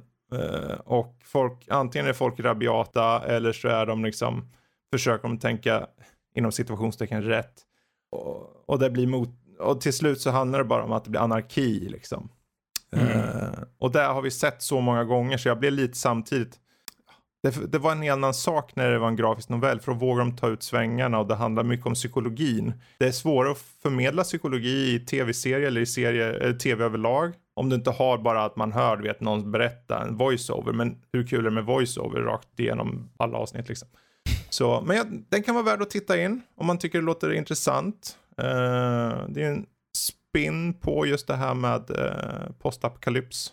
Eh, och vad innebär att vara den sista mannen? Ja, alla män där ute, ni kan ju bara fundera på hur det skulle vara i en värld bara av kvinnor. Det finns bra saker och det finns väldigt dåliga saker med det också kan jag säga. Eh, som de kommer säkert leka med här. Och sen finns det en sista sak jag tänkte ta upp. Just att de leker med, eller tar upp angående transpersoner i det här. Mm. För de har ju, i och med att det är Y-kromosom, alla de med Y-kromosom som dör, så betyder det att de som är transpersoner, som identifierar sig som män då såklart, ehm, är kvar. Och de får skit för att de ser ut på ett visst sätt av kvinnor till exempel. Eh, Och de tar upp det är det intressant lite. att de Ja. tar med det. För jag antar att i liksom originalet då var inte det någon så stor grej eftersom att Det fanns trans, inte med i originalet. nej, jag Eh, för tänker det, Originalet kom ju typ ja. på 90-talet och sakta men säkert i- i 20 år så framåt. Så det var ingenting de tänkte på då, tror jag. Nej. Eh, Men nu tar de upp det, men de gör ingen stor grej av det än så länge. Som sagt, bara tre avsnitt. Så det, vi får se om de på riktigt biter in i det här på något sätt längre Mm. in i serien. Men eh, om man tycker som sagt det låter intressant så ta för all del och titta på den. Den finns på Disney+. Plus. Ja. Den gör. Jag, jag tänker mig ifall jag skulle vara den sista mannen, skulle vara, jag skulle få höra så ofta. Eh, men han är den sista mannen så okej då. Ja, det är illa om de, du sista mannen, de bara nej tack, nej Eh, tack. Eh, Nej, nej, nej, Mm. nej. Det finns nej, mycket mig. intressanta, nu skojar vi här, men det finns mycket intressanta frågor kring vad, vad är liksom, eh, vad skulle krävas av dig som sista man? Är det din, eh, är det upp till dig att återbefolka jorden liksom? Är det du som har de sista liksom, eh, tillgängliga spermierna? Och förutom det, de pratar ju om spermiebanker och sånt som finns. Så de, de, de törs ju inte påbörja det i och med att de inte vet om barn med Y-kromosom dör direkt. Så Mm. finns lite frågor där. Vi får hoppas att de tar itu med de frågorna. Eh, men där har vi det, Why are the last man? Vad som också är lite nytt är Star Wars Visions. Mm. Du har sett ett par avsnitt eh, och jag har sett ett par avsnitt. Eh, så jag tänkte, och du menar då Jesper. Har du, vad är Mm. dina tankar då? Om vi börjar med vad är Star Wars Visions? Eh, Star Wars Visions är i princip eh, en anime-version av Star Wars eh, där olika, de största japanska anime-studiorna, till exempel Studio Trigger och några andra stora, har tagit sig an Star Wars och gjort en liten miniserie med helt olika stil Mm. på avsnitten. Nio avsnitt har släppts än så länge som tar sig an Star Wars-universumet då. Mm. Och av det jag har sett så är de väldigt jag har bara hunnit se typ två avsnitt än så länge, men de två avsnitten var väldigt unika varandra. Mm. Och eh, den första var i princip, eh, tänk dig Akira Kurosawa, Star Wars med samurajer Mm. och svartvit bild och sen andra Precis, var typ, den, den var ju rakt Mm. av Ronin, en klassisk. eh, ja det var eh, verkligen så här Ronen. Och det är väldigt nytt för Star Wars. Mm. Och sen hade vi även den andra avsnittet som var någon typ, något band som skulle formas tillsammans, som skulle göra någon konsert. Och det var Ja, ju helt annorlunda. Ja, Så- verkligen. Eh, Jag föredrog nog dock det första avsnittet, tyckte att det var väldigt coolt och så. Mm. Eh, och sen andra var väl lite så här, okej. Det var ju lite, Men eh, lite sött så. Um, det ska bli intressant att se hur de går vidare med det här, för det finns ju väldigt mycket de kan göra med mm. och se om de väljer att göra fortsättning på det efter de här nya avsnitten som släpps nu, eller om det är en one time, one done. Ja, jag, slog, jag såg det av ren nästan misstag skulle jag säga. Jag, jag, vi satt och skulle bara, vi måste slå igång någonting här att vi ska käka. Eh, och jag tänkte, ja, men det är en kvart styck de här. Ja, men vi river av en bara. Så. Eh, och så visade det att den första var ju riktigt bra. Eh, Ice, min äldsta, hon tyckte skitmycket om det avsnittet. Som var som sagt ett Ronin. Det, det är till och med så här svartvitt. Eh, Ja. Japansk deluxe liksom. Så här, den, eh, estetiken på karaktärer så är ju så här 1800-1700-tals uh, samurai-värld så. Fast Star Wars.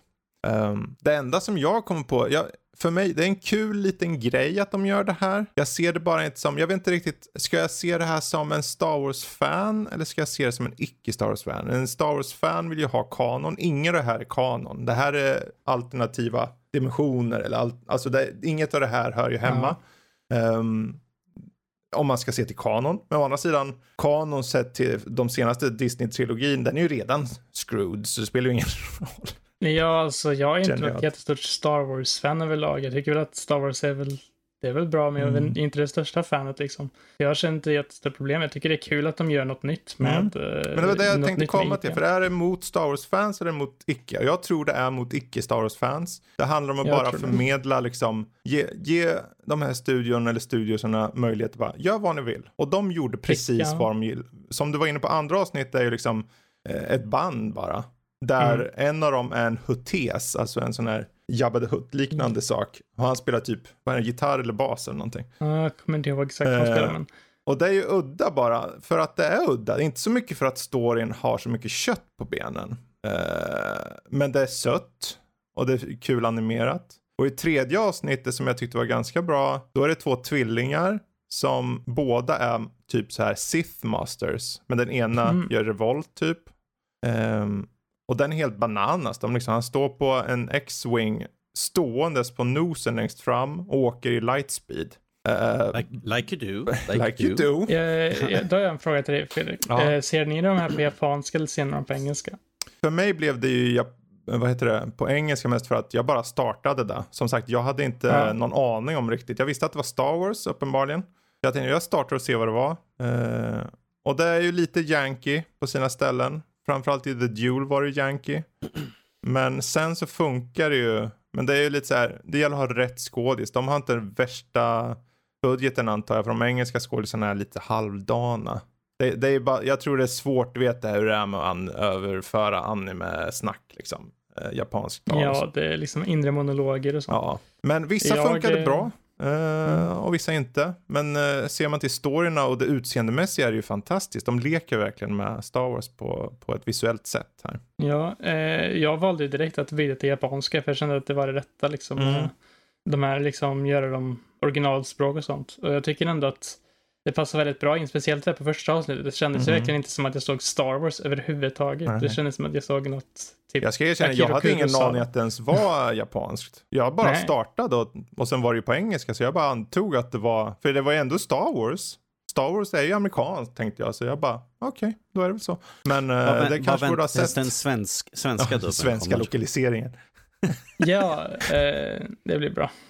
Kan man ju ja. kolla på de gamla anime den har. Det finns ett avsnitt med en Astroboy-liknande estetik som är lite halvintressant. Det är det sjätte mm. avsnittet.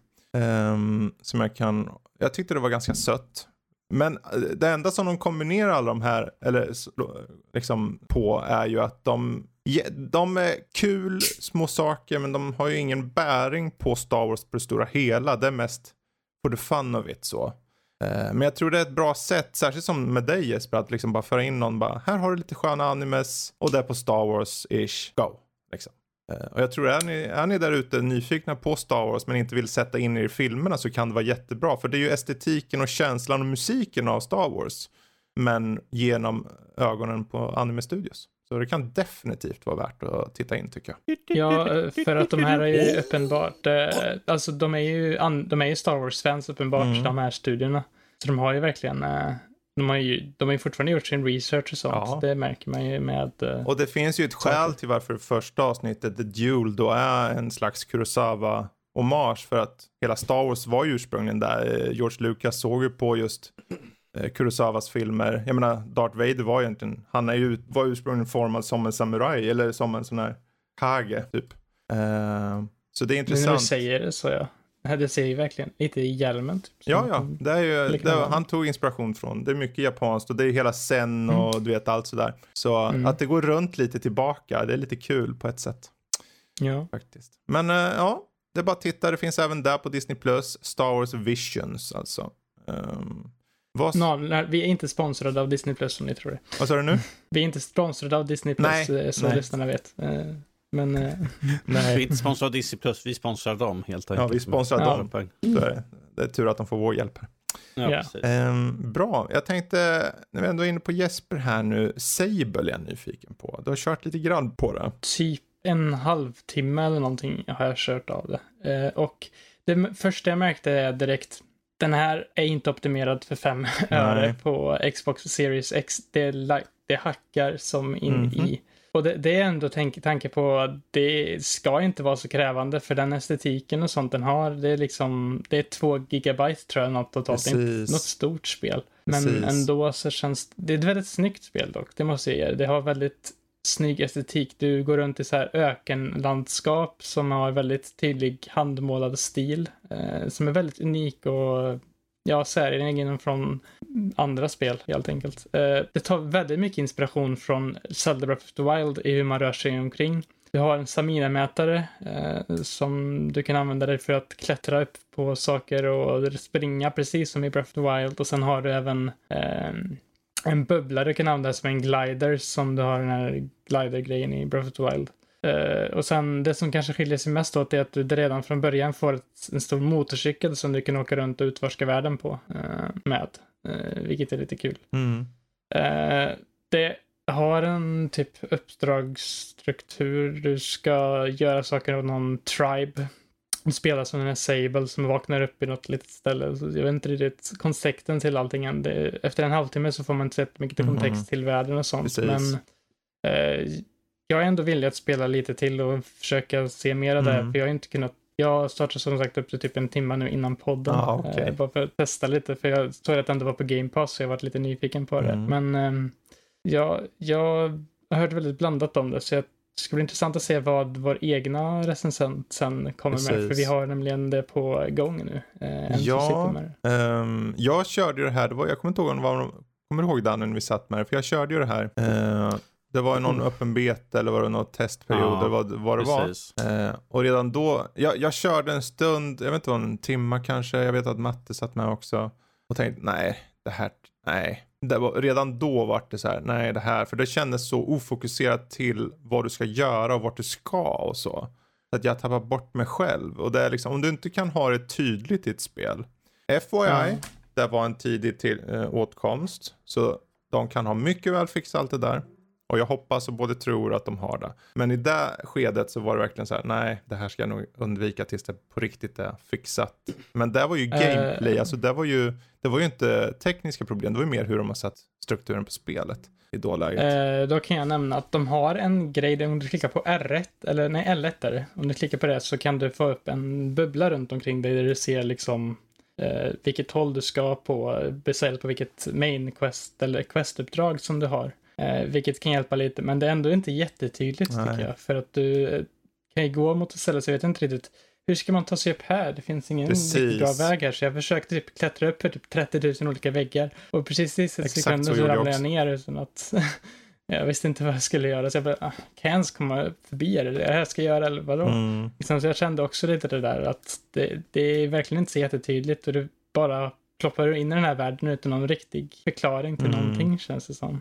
Eh, vilket i och för sig typ Zelda Breath of the Wild också gör. Men jag tycker ändå att det är mycket tydligare där mm. än det är mm. här i Sable.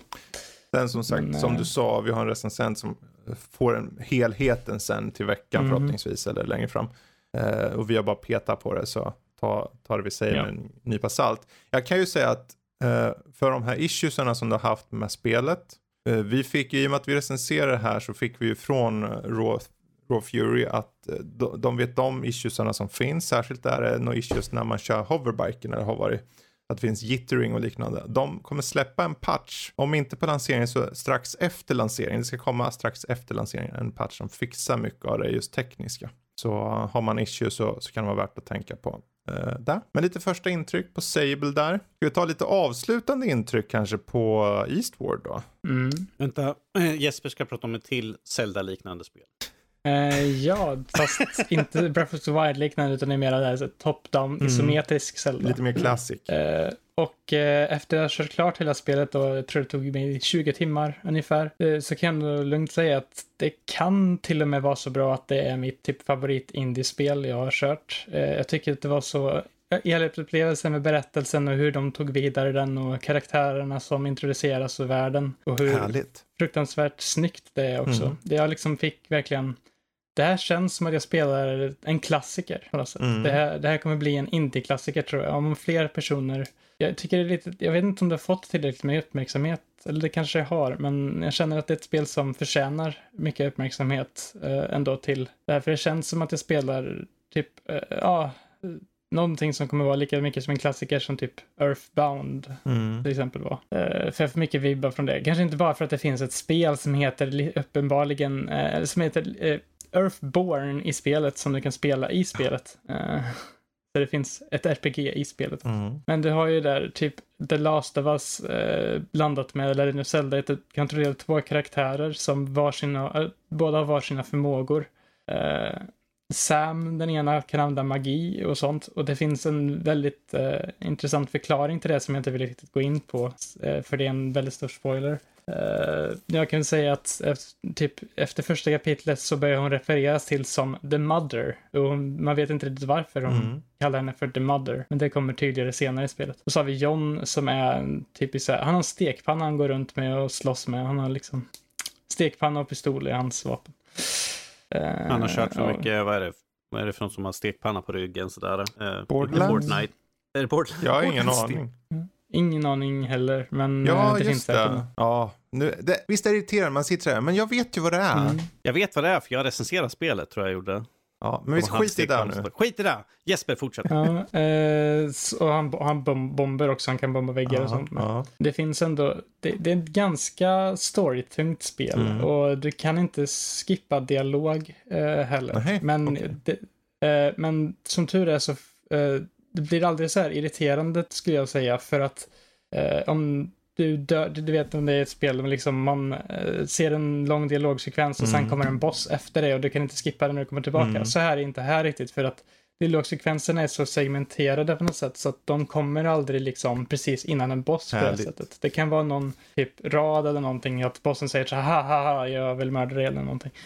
Men det, det kommer aldrig någon lång, liksom, eh, lång dialog som kan ta typ så här 10 minuter att kolla igenom någonsin. Utan det, det är direkt in i actionen igen när du dött. Och det finns väldigt sparsamt med sparpunkter så du behöver aldrig oroa dig om att, eh, att du dör Mm. heller direkt. För att du kommer direkt tillbaka in i actionen och kan testa om det du eh, förlorade på förra gången. Ehm, sen finns det ju, ja, det är väl det som, är- jag känner att det här spel som, ja, det känns ändå som att det är ett lättillgängligt spel som många kommer förstå, eller kunna, kunna komma på för att introducera pusslerna på ett så bra sätt eh, med svårighetsgraden och hur de rampar upp Mm. den. Det blir aldrig frustrerande, men det blir ändå ganska utmanande mot slutet skulle jag säga. Mm. Men det är så att du introduceras till det så bra så att det liksom du, du vet vad du ska göra även om det till slut, även om det kanske är lite så här, du får tänka efter lite Mm. mer, vilket jag uppskattar också. Ja, Det är, ju- jag hör ju Ja. själv att det, det är, man håller sig ifrån, inte, det är ju inte ett JRPG, det är ju mer en Zelda-liknande upplägg. Jag är väldigt Ja. nyfiken själv på det. Hoppas kunna skaffa det också faktiskt. I must try this one. Särskilt när det är så tillgängligt som du säger. För nu, det är ju så som med Kina nu, att jag bara, om det här, det, det här tror jag kommer funka för alla. I alla fall utifrån det lilla jag vet än så länge. Om det här är likadant liksom, så desto bättre. Uh, härligt, skitkul. Um, Fredrik, det var PubG förresten. det var PubG ja. Bra där norsk. Ah, Duktig norsk. Du vann en norsk. Nu, Eh, nu slipper skulle- vi tänka på det resten av kvällen sådär. jag tror inte man kan jämföra eh, Eastward med PubG på något sätt dock, men eh, förutom det då. Ja. Ja. Förutom stekpannan. ja. För, Det är inte mycket, bru- helt- det är inte mycket som man ska mörda brutalt på ett bra sätt i det här spelet i alla fall. Eh, det finns monster och liknande. som du De får du alltså, brutalt det finns mörda på ett typ- bra sätt där. Det finns typ zombie-liknande saker. Okej. Eh, Ja, eh, ja. jag, Mm, apropå det- mörda skit. Ja, gud, det här ska bli spännande. Okej. Diablo Yes, Fredrik. 2 Resurrected har jag suttit med. Och jag tänkte när jag eh, ska, liksom fick det att, ja men, jag, jag sitter ju med Kina, jag, jag tar en liten break här och kör en stund. Jag är level 18 nu.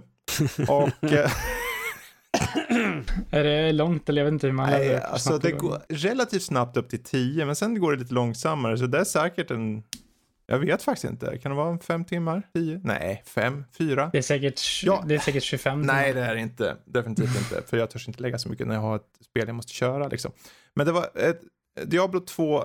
Ja, om man har bott under en sten och inte vet vad Diablo 2 är. Förlåt. Eh, å andra sidan, det kanske är helt, kanske är helt legit och inte vet vad det är å andra sidan. Jag menar, det är ju 20 år, 21 år sedan det kom.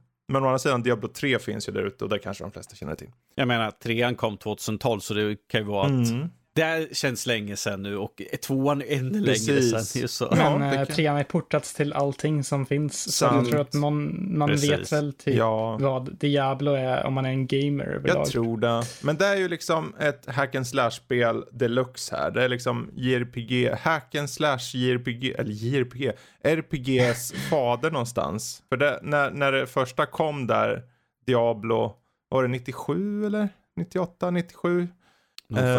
Krokarna. Så etablerar den på riktigt hela genren med att du bara hack and slashar och, och bara ser din leveling gå upp.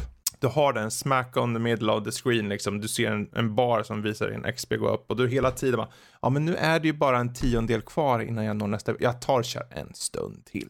Eh, jag har precis levelat upp min gubbe, men om jag levlar en nivå till, då kan jag använda det här vapnet. Jag ska, jag, jag ska bara ta en nivå till. Du springer runt i en värld som hela tiden förändras. Det är liksom slumpmässiga banor där liksom allting byter plats och allt vad det är. Ehm, och du får, ja, för mig är det lite drog över det här. märkte jag nu. Jag får inte sitta, men jag har sagt till mig själv, du får inte sitta med det här något mer. Nu pausar du. Gå ur, gå ur spelet.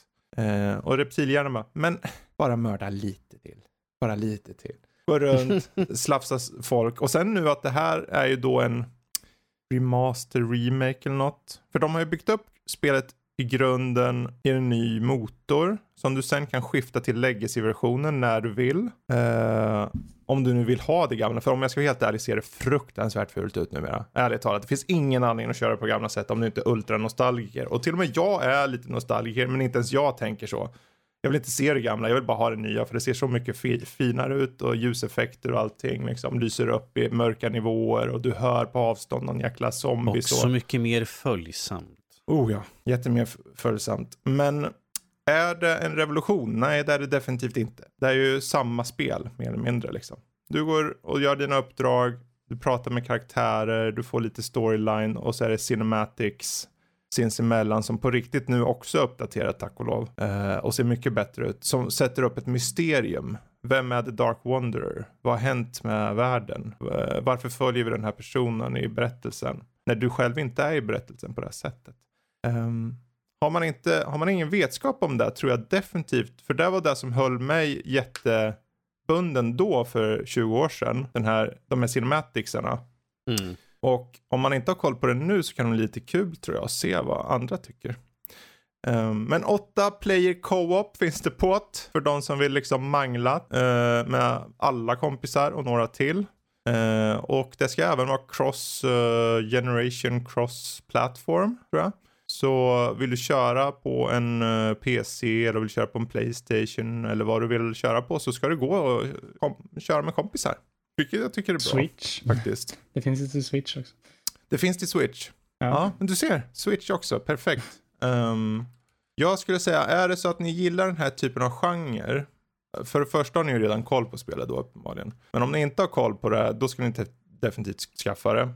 Uh, på vissa punkter, eller många punkter känner jag att det fortfarande klår trean. Uh, det finns lite quality of life grejer som jag saknar. Typ en knapp för att automatiskt sortera ens inventory. Uh, vissa saker på hur du rör dig runt i världen och lite sånt. Uh, typ så. Men det är ju mest för att de har mm. gjort rakt av så som originalet var i den här motorn då. Så på gott och ont. Ja. Gott och ont.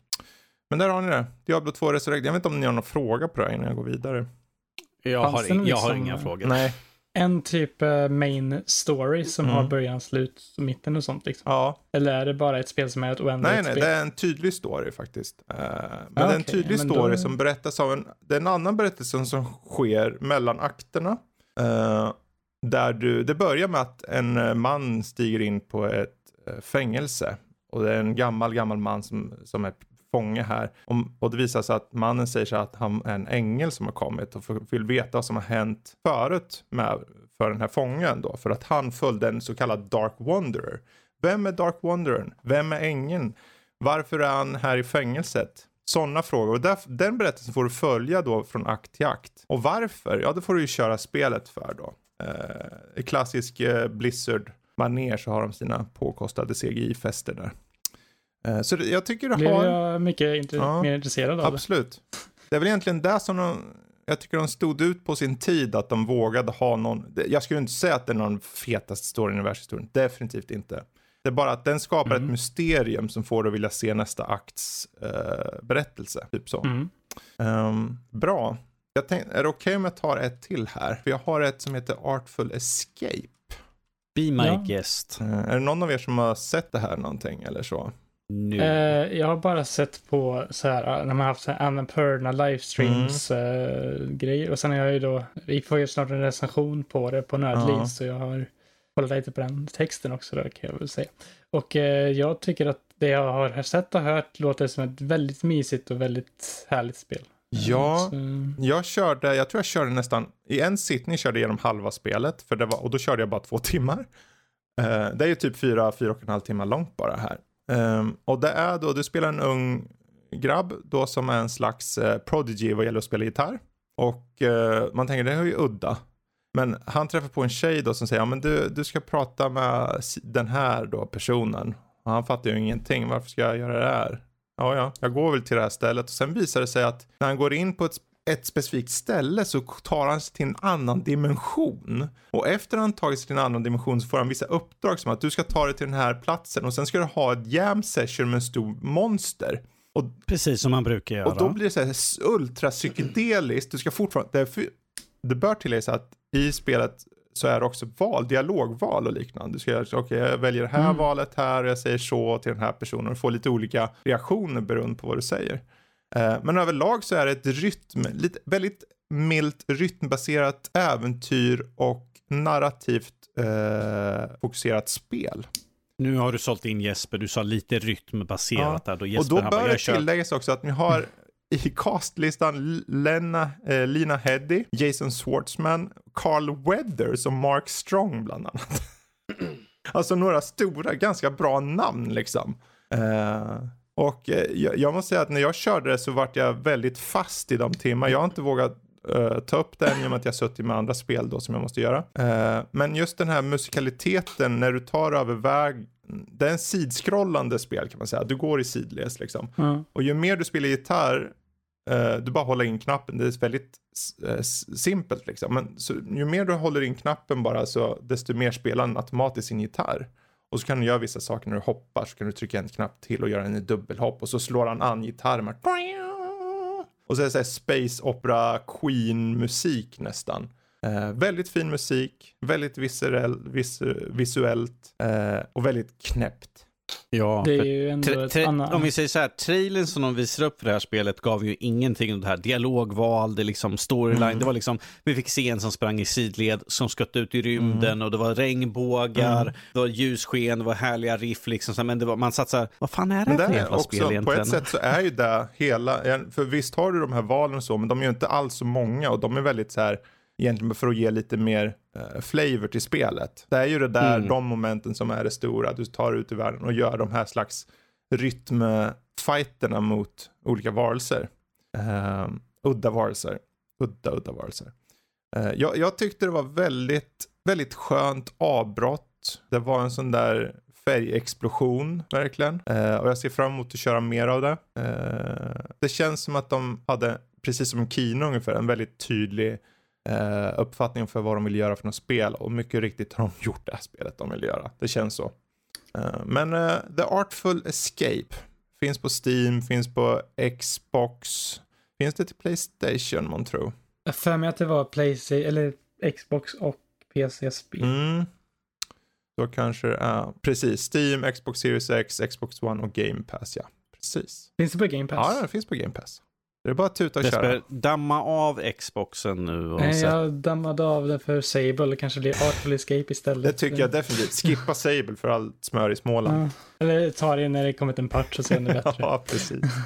Bra. Ja, det är det här liksom att jag borde inte spela på mitt recensionsspel, men att jag vill bara testa det här för att folk har pratat om mm. det. Det är som med, jag vet att jag kan inte starta upp Kina mer för då kommer jag sitta i det här spelet. Jag bara, vänta det är Fredrik som recenserar det här spelet, varför sitter jag och spelar på mm. det? Jag har mitt egna spel jag måste sitta på.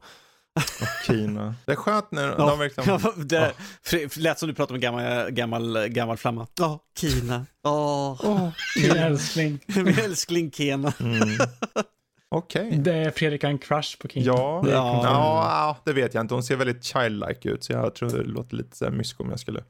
Han kan vara mer så här, åh Kena, min, min dotter. Det kanske ja. är mer. Ja. Eh, alla i hela spelet, de har ju en slags design i utseendet som gör att det ser väldigt så här, lite barn, barnliknande ut på något sätt. Barnlika drag mm. så. Ja, Pixar-liknande. Mm, kanske där. så. Enkelt.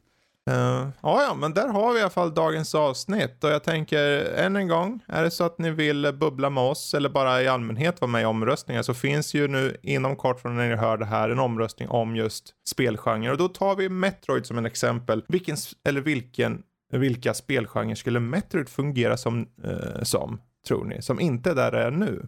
Uh, och så kommer det finnas ett gäng märkliga alternativ där och så får vi hoppas att ni kryssar i vad som passar bäst. Kanske en dating sim ja. som norsken sa. Kanske Metroid mm. som dating eh, skulle funka dunderbra. Mm. Och återigen, om ni vill komma åt vår Discord, hoppa in på vår hemsida, www.nördliv.se och på höger sida nästan högst upp så ser ni en stor Discord-grej och så finns det en knapp som står Connect och då kommer ni direkt in i våran server. Mm -hmm. what, what he said.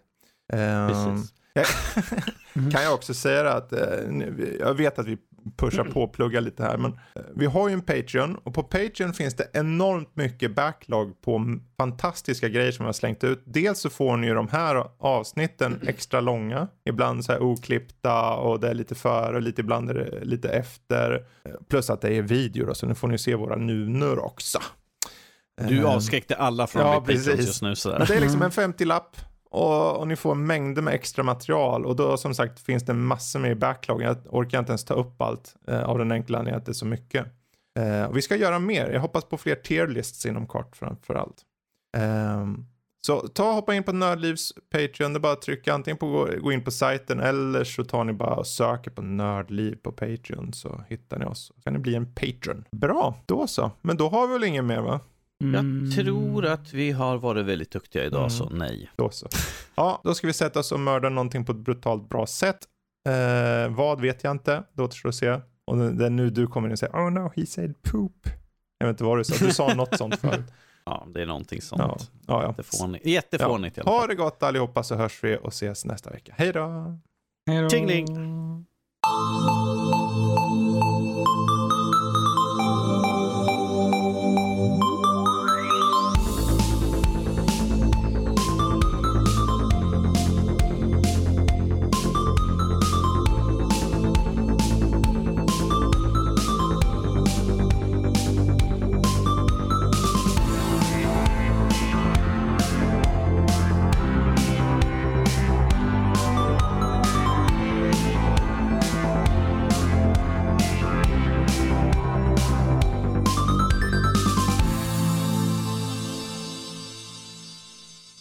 Hallå där allihopa och välkomna till ett nytt avsnitt av Nördlig Podcast. Det här är avsnitt nummer två, nej inte 200, jag börjar om.